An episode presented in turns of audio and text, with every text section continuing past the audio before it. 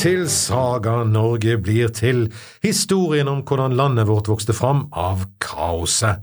Mitt navn, Tom Christer Nielsen som vanlig, og bak spakene sitter Kim Andreassen. Dette er episode seks i sesong to, og 23 fra starten av, og den heter simpelthen Den slagferdige. Og da mener vi bokstavelig, ikke som i overført betydning. Altså ikke den morsomme, men den som faktisk var god i slag. Denne podkasten kommer til deg gratis, annet fordi Radio Askøy og Kim Andreassen stiller studio og tekniker til disposisjon.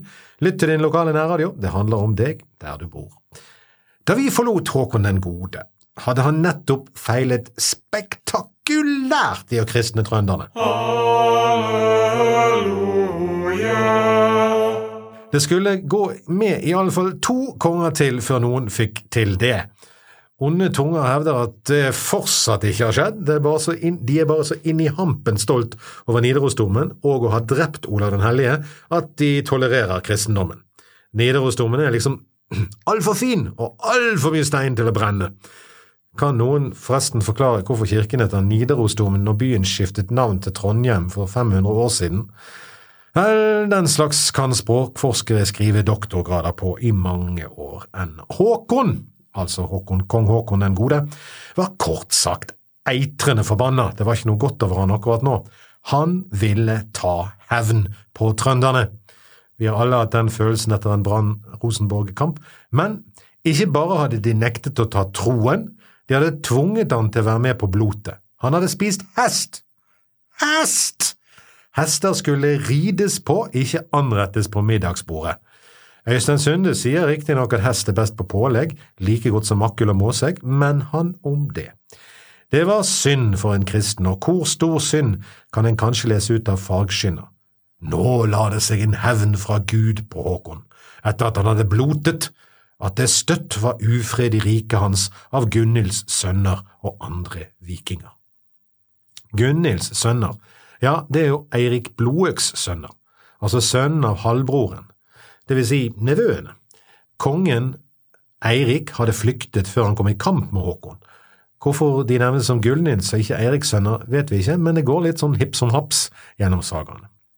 De nevnes både som sin fars sønner og sin mors sønner, naturlig nok. Håkon samler her på Vestlandet for å gi trønderne en skikkelig bloddåp og tvangskristne de, enten de vil eller ei. Halleluja. Det synes nok som om såret stolthet spiller en relativt stor rolle for dette valget av virkemiddel. Men akkurat mens Håkon og hans menn er i ferd med å gå om bord i skipene og starte Norges første skikkelige religionskrig, ja, altså, vi hadde en liten en året før, men det er vel å ta relativt hardt i å kalle tre brente kirker og like mange prester på himmelferd for en krig. Men idet Håkon Sær skal gå om bord, kommer der urovekkende nyheter. Guds blodhevn har kommet. Og den har kommet i form av Gunhildsønnene, med eldstemann Gamle i spissen. Ja, ok, det var ikke særlig kreativt å kalle den eldste sønnen for Gamle, men det het han altså, Gamle. Nå er gode råd dyre. Egentlig er jo hæren på vei til Trøndelag, men det er én ting Sigurd Jarl og trønderne hater mer enn kristendommen, og det er Eirik Blodøks og familien. Håkon er også mer glad i makten enn i Jesus, kan en kanskje tro. Jesus kan en jo alltid komme tilbake til, men har han mistet makten, så er den mistet. Dermed finner kristenhæren og trønderhedningene felles sak. mm, jeg hadde nå egentlig tenkt å krige med dere, jeg, da, sier Håkon. Ja, du hadde sjø, vi hadde nå tenkt å avkristne deg sjøl med spyd og sverd og noe slikt må til for å vaske bort Kvitkrist. Ja, det er jo for galt å droppe en god kamp, men eh, ja, det var de Erikssønnene, da. Ja, det var de. Det hadde vært irriterende om de skulle høste frukten av vår interne kamp. Ja, det har jo rett i. Dessuten, hun mora, hun drepte jo far min sjøl. Ja, vi gjorde det. Skal vi eh, Ja, kom igjen, vi tar den. Dermed gikk det til at to herrer som skulle kjempe mot hverandre, heller snudde seg rundt og gjorde felles sak mot Eiriks Eirikssønnene eller Gunhildssønnene, alt etter sånn. Det var nå et lykketreff at de allerede var mobilisert og klare. Det var bare å hoppe i skipene og sette av gårde sørover. Tenk om Eiriks Eirikssønnene hadde bare ventet bitte litt. Bitte litt. Bitte lite grann venting til etter at Håkon og jarlen hadde kjempet ut kampen om kristendommen. Men det gjorde de ikke. I stedet for resten av to hærer som hadde slått ut hverandre og en lett kamp, møtte de godt forberedte og uthvilte, trøndere og vestlendinger til slag på Avaldsnes, på Karmøy. Håkon får være med Eirikssønnene fordi de herjer i Viken. De har drevet nevøen, Trygve Olavsen, fra skipene sine og herjet. Flere menn derfra går med dem, det, hø det høres merkelig ut, men etter 20 år ved makten hadde Håkon også sine fiender, spesielt kanskje blant de som var sterke i åsatroen. Et annet alternativ er at de ikke fikk noe valg. Et sannsynlig scenario er at Eirikssønnene på sitt reid hadde fått nyss om at det er uro og kamp på gang mellom trønderne og kongen, og at de bestemmer seg for å utnytte situasjonen. Opportunisme kanskje er den beste. De setter seiler under Lindesnes og Lista, helt nord til Karmøy og Avaldsnes kommer de. Der, derimot, møter de Kvist, Håkon, vestlendinger og trøndere. Et eller annet sted mellom dagens Hydro Karmøy og Avaldsnes kirke smeller det. Om dette faktisk skjer er usikkert, men et eller annet skjer som gjør at Håkon og trønderne igjen er på lag. Kampen blir tøff, men ensidig. Håkon går i front med sverdet kvernbitt som etter sigende har fått av kong Erlstein av England. Håkon og sverdet biter godt fra seg, så godt at Gunhildsønnen Guttorm faller for dem, og resten av banden flykter hals over hodet til skipene sine. Flukten til Eirikssønnene går sydøst langs Rogaland og Agder. Håkon følger hakk i hæl. Ved Lista vender Gunhildsønnene rett syd og stikker over til Danmark. Dermed har vi starten på en lang og tradisjonsrik sak, danskebåten. Denne gang følger Håkon ikke etter. Han lar de slippe unna. Han har nok å gjøre med å gjøre opp med noen vikværinger. Han eh, må også få plastret dette Jesus-såret i Trøndelag. Det ble lite kristning fra nå av. De første 20 årene hans regjeringstid har vært fredelige etter datidens mål. Nå blir det litt rolig ennå en stund, mens Gunhildsønnen gravlegger sin bror og slikker sine sår. Men Håkon innser at han må forberede seg på bråk. Nå organiseres Leidangen og Vardene, som vi kjenner fra historien. Det skal vi komme tilbake til. Noen år går nå med mer tilfeldige vikingangrep, men ingen reelle forsøk på invasjon eller krig. Flere ganger blir det ropt ulv, men ulven vender tilbake til Danmark før den kommer forbi Lindesnes. Det har gått en fire–fem år nå, og folk har sluttet litt å tro på at Gunhildsønnene skal komme tilbake igjen. Men nettopp nå føler Gunhildsønnene seg sterke nok, og endelig har de fått skikkelig hjelp av danskekongen. Normalt har de seilt via Viken og så rundt Lindesnes. Vardevokterne er derfor vant til at vardene tennes fra øst. De er også forsiktige for ikke å rope ulv i utide. Dermed klarer Gunhildsønnen å seile uoppdaget helt nord til Ulvesund, som det da het, i Nordfjord. Og nå haster det. Håkon er på sin kongsgård på Sunnmøre, Birkestrand, i nærheten av der Frei kirke står i dag. Det er ikke så langt unna, og han er uforberedt. Sammen med seg har han hirden på ca. 100 mann, og de andre som har vært der på Veitsle med han. Kort sagt på fest. Gunhildsønnene kommer raskt hans vei, og Håkon må ta en avgjørelse. Skal han flykte nordover til sine allierte i Trøndelag, eller skal han kjempe der og da? Det fornuftige og naturlige er å trekke seg men tilfellet skal ha det til at en av Harald Hårfagres gamle allierte og medsammensvorne Egil Ulserk er der. Han er gammel, og det kan se ut som han har et dødsønske, han er i hvert fall ikke mye kristen. Han vil dø i kamp, han vil til Valhall. Så når Håkon spør om de skal dra eller slåss, svarer Egil. Nja, konge, jeg var med din far i mange kamper, stundom var vi flere enn fienden, stundom var vi færre men aldri hørte jeg snakk om å flykte eller ikke ta opp kampen. Du snakker om å legge press på en konge. Ja, er du like tøff som din far, eller er du en feiging? Ære og skam fordrer at alle må slutte seg til, de vil kjempe. Der sendes ut hærpil, og det samles folk der de kan finnes. Egil Ulserk er fornøyd. Jeg fryktet en stund at denne lange, kjedelige freden skulle bety at jeg ville dø i sengen, men nå skimter jeg Valhall i det fjerne. Han er fornøyd. Veldig fornøyd. Men han er ikke klar for å dø uten kamp, altså det skal bli skikkelige greier. Det kan se ut til at det er en god grunn til at Egil alltid var på det vinnende laget. Han er en luring av den gode typen, ja ja, om det er på hans side, da. Håkon er i alvorlig mindretall når Gunhild-sønnene finner han, men han er også en strateg, og som sagt, Egil er med. Gunhild-sønnene må slå han i slag, og dermed kan han vente på de der han finner det for godt. Han finner et godt sted for slaget. Slaget på Rastakalv nær Frei kirke skal bli historisk. Eirikssønnene har 20 skip, Håkon har ni. Men Håkon har fylket seg sånn at han slåss i nedoverbakke, mens Eirikssønnene slåss oppover. Han fylker hæren i en lang rekke, sånn at den ikke kan omringes av de som er i flertall. Og så var det Ulserken, da. Gamle berserken snur seg plutselig mot kongen og sier, Kan jeg få ti mann med ti hærmerker? Hærmerker var en slags faner som markerte en hæravdeling. Hæ, sier Håkon. Kan jeg få ti mann og ti merker, sier Egil igjen. Hva skal du med de? Stol på meg, herre konge, det er mange der nede og få her oppe, men jeg tror jeg kan jevne ut oddsene litt. Ja vel? Greit, ta de merkene, ta de mennene, men jeg vil ha de tilbake. Du skal få de og mer til, herre konge. Nå braker det løs, kampen blir skarp og Erikssønnene har flere menn. Kampen står og vipper. Så plutselig får noen av Erikssønnenes menn øye på noe som gjør at det går kaldt nedover ryggen på dem. Bak bakketoppen kan de se ti hærmerker stikke opp og komme mot dem. Det er et godt stykke mellom dem, så det ser ut som det er ti sterke og store hæravdelinger som er i ferd med å komme på dem over bakketoppen og omringe dem. Dette blir for drøyt for de danske leiesoldatene. De tar ikke sjanser, de får rett og slett panikk. Det ser ut som de er i ferd med å bli omringet. De vender om og flykter og løper det de kan mot skipene sine. De har ingen planer om å dra til Valhall i dag. Kanskje er de til alt overmål kristne, så de har ikke billett dit heller. Valkyriebussen stopper ikke for de. Når leiesoldatene flykter, flykter Eirikssønnene etter. Dermed blir det et forfølgelseslag. Ingenting er farligere enn flukt i sånn og det går hardt utover å ha Eirikssønnenes hær i flukten, så oddsene og tallene jevnes.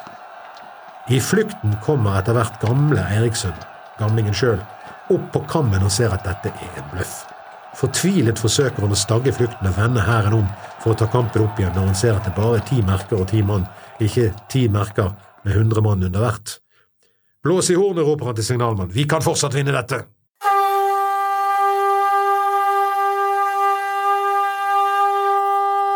Tja, mon det. Det blåses og det ropes, og gamle klarer faktisk å vende hæren. Eller, han klarer å vende den norske delen av hæren. Danskene de framstår som noen feiginger her, og flatlendingene rømmer til skip og rødgrøt med fløde. Dermed er det Håkons menn som er i overtall mot nordmenn i Eirikssønnenes rest her. Igjen må de flykte, og det går ikke godt. Mannefallet er stort, men nå er terrenget slik at hæren splittes noe opp. Gamle og folkene flykter nedover bakkene, men gamle skjønner at dette går til hel om de ikke gjør noe. Faren er at de blir helt utradert. De samler seg og gjør holdt og vender om for å kjempe igjen. Det er Egil Ulsek som først når på dem, altså han med listen. Sannsynligvis med lokale folk. Gamle mannen når faktisk helt frem til gamle Eiriksson og gir han flere sår. Nå er noen av de andre flyktende, ja til og med kanskje noen av danskene kommet til. Dermed blir Ulseks drøm om heltedøden oppfylt, han faller der, og valkyrjene tar han nok varsomt med til evig blot i Valhall. Einherjen Egil Ulsterk, har fått sin plass i Valhall og i norsk historie. Og han har stagget i lenge nok, nå kommer Håkon og hovedstyrken til, Håkon hugger til høyre og hugger til venstre, og fienden faller som fluer for kvernbitt. Eirikssønnenes menn faller på alle sider, og de legger på flukt igjen. De som allerede har flyktet, har lagt fra og er til sjøs. Gamle og hans avdeling løper ut i sjøen for å ha kommet seg om bord. Hans brødre klarer å skyve ut noen skip, men Gamle og hans menn felles i fjæren ved Rastakalv. Og der dør de. De overlevende fra invasjonshæren har fått nok og setter kursen mot Danmark. Dette er nok et nederlag i rekken for familien Blodøks. Egentlig burde de skjønt tegningen her og nå. Håkon er usedvanlig sterk i kamp. Hirden hans er ualminnelig godt trent. Selv når forholdet som nå er tre til én, får han ikke has på ham. Det skal heller ikke gå bedre når forholdet blir verre. Det går med en, det går med en Eirikssønn hver gang de møter onkelen til kamp. Men Eirikssønnen blir mer og mer i et skjebnefellesskap med Håkon. Nå må farens tap hevnes, og to brødre hevnes. De begynner å tynnes, men det er ennå fem brødre igjen, eller er det fire? Noen til, i alle fall. Deres mot, mor vet å egge de. De skal komme igjen en gang til. Men det tar seks år før kongen av Danmark er klar til å gi de bistand igjen. Også denne gangen klarer de å slippe forbi vardene og oppsynsmennene i det totalt ubrukelige varslingssystemet Håkon har satt opp. Nå ja, ubrukelig er kanskje ikke riktig, en ser noe sammenfall her, det går litt for lenge mellom hver gang Eirikssønnene prøver seg. Det blir for mange falske varsler. Det er nå elleve år siden de forsøkte seg første gang. Det er 26 år siden faren flyktet. De gjenlevende sønnene har aldri opplevd Norge som noe annet enn en slagmark i korte kamper, og kan ikke sjøl huske faren som konge over Norge. Den eldste gjenlevende skal være født det året faren flyktet. Men de har vokst opp med faren og morens drømmer om hevn, makt og om å komme igjen. Det er fest på Fitjar. Ja, du vet, på øyen Stord, nord på øyen Stord, Fitjar. Kong Haakon er på Veitsle her med sin hird og mange bønder fra Storen, eller Stord, og øyene rundt omkring. Alle de er kommet for å møte kongen. Det er godt og lystig lag og god fest. Mye har endret seg på Fitjar siden da, men kong Haakon står der fortsatt, foran kirken og skuer mot nord og sjøen, der bakken heller ned mot fjæren. I dag ser han vel mot Fitjar mekaniske, men i 961 er det noe annet som skues i fjorden. De oppdaget de, men ingen tør å gi beskjed. Det er litt rart, for skal en tro sagaene, så er det som kommer nå, det største, frem til Olav Digre ramler inn på Stiklestad med sine svenske leiesoldater. Skal en tro historien, må det være nesten tusen mann i skipene som nå kommer inn fjorden. De må ha dekket hele bukten, men inn gjennom sundet mot Fitjar kan det ha vært vanskelig å få inntrykk av hvor mange de var. Men altså, ingen tør å si ifra, i frykt for at det skal være falsk alarm, og i frykt for å pådra seg kongens vrede. Og kongen er mistenksom mot krigsvarsel, det at for mange falske meldinger. Til slutt får noen overtalt en Øyvind Finnsson til å komme ut fra festen og se med selvsyn hva som var på ferde. Øyvind trenger ikke stirre lenge på alle eh, skipene og seilene for å skjønne hva som kommer, men han vet at kongen ikke vil høre dette, men det må sies. Som en Egil Skallagrimson sier han det med kvad.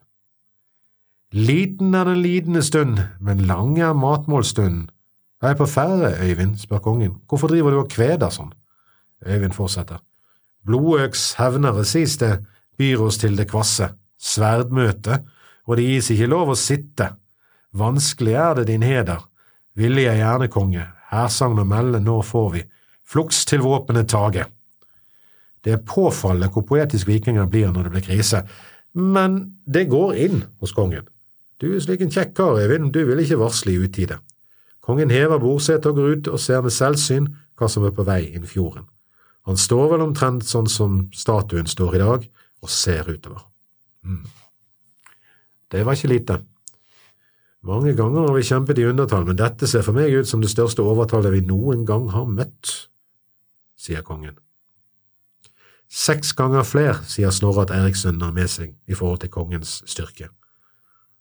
Igjen spør Håkon det han spurte på Rastakalv, skal vi kjempe, eller skal vi kanskje dra nordover med skipene? Det ble stille, dette er alvorlig dårlige odds. Igjen er det Øyvind som bryter stillheten med et kvad. Essensen i det er omtrent som dette, om ikke ordrett.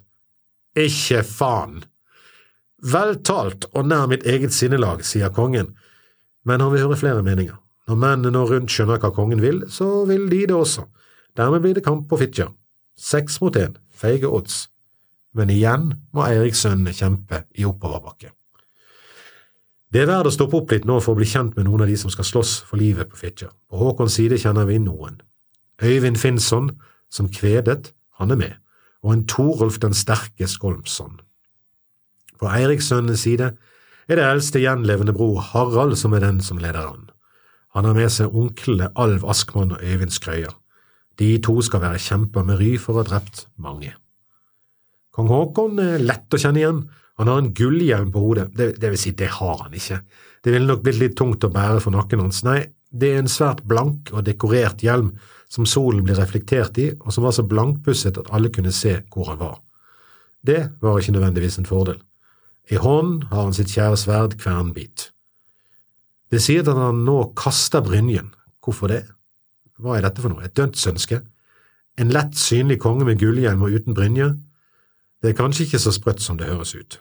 Vikingsverdene var notorisk lette og sløve, som vi husker fra Egil Skallagrimsons holmgang, der sverdet til slutt ikke beit. Spydene kastes, folk dør. Nå går de på med sverd og skjold, og flere dør. Torolf og Håkon går knallhardt fram, og folk faller for deres hugg. Men Håkons gullhjelm er for fienden som honning for bier, og alle trekkes mot den. Øyvind Finnsson ser faren og dekker hjelmen med en hatt eller noe sånt.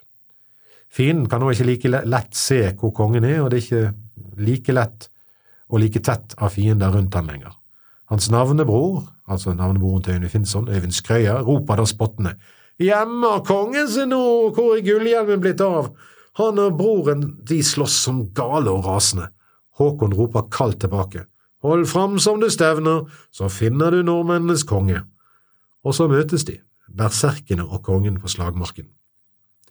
Øyvind hugger etter kongen, men hirdmannen Torulf den sterke skyver skjoldet mot og verger kongen. Han får med det Øyvind ut av balanse.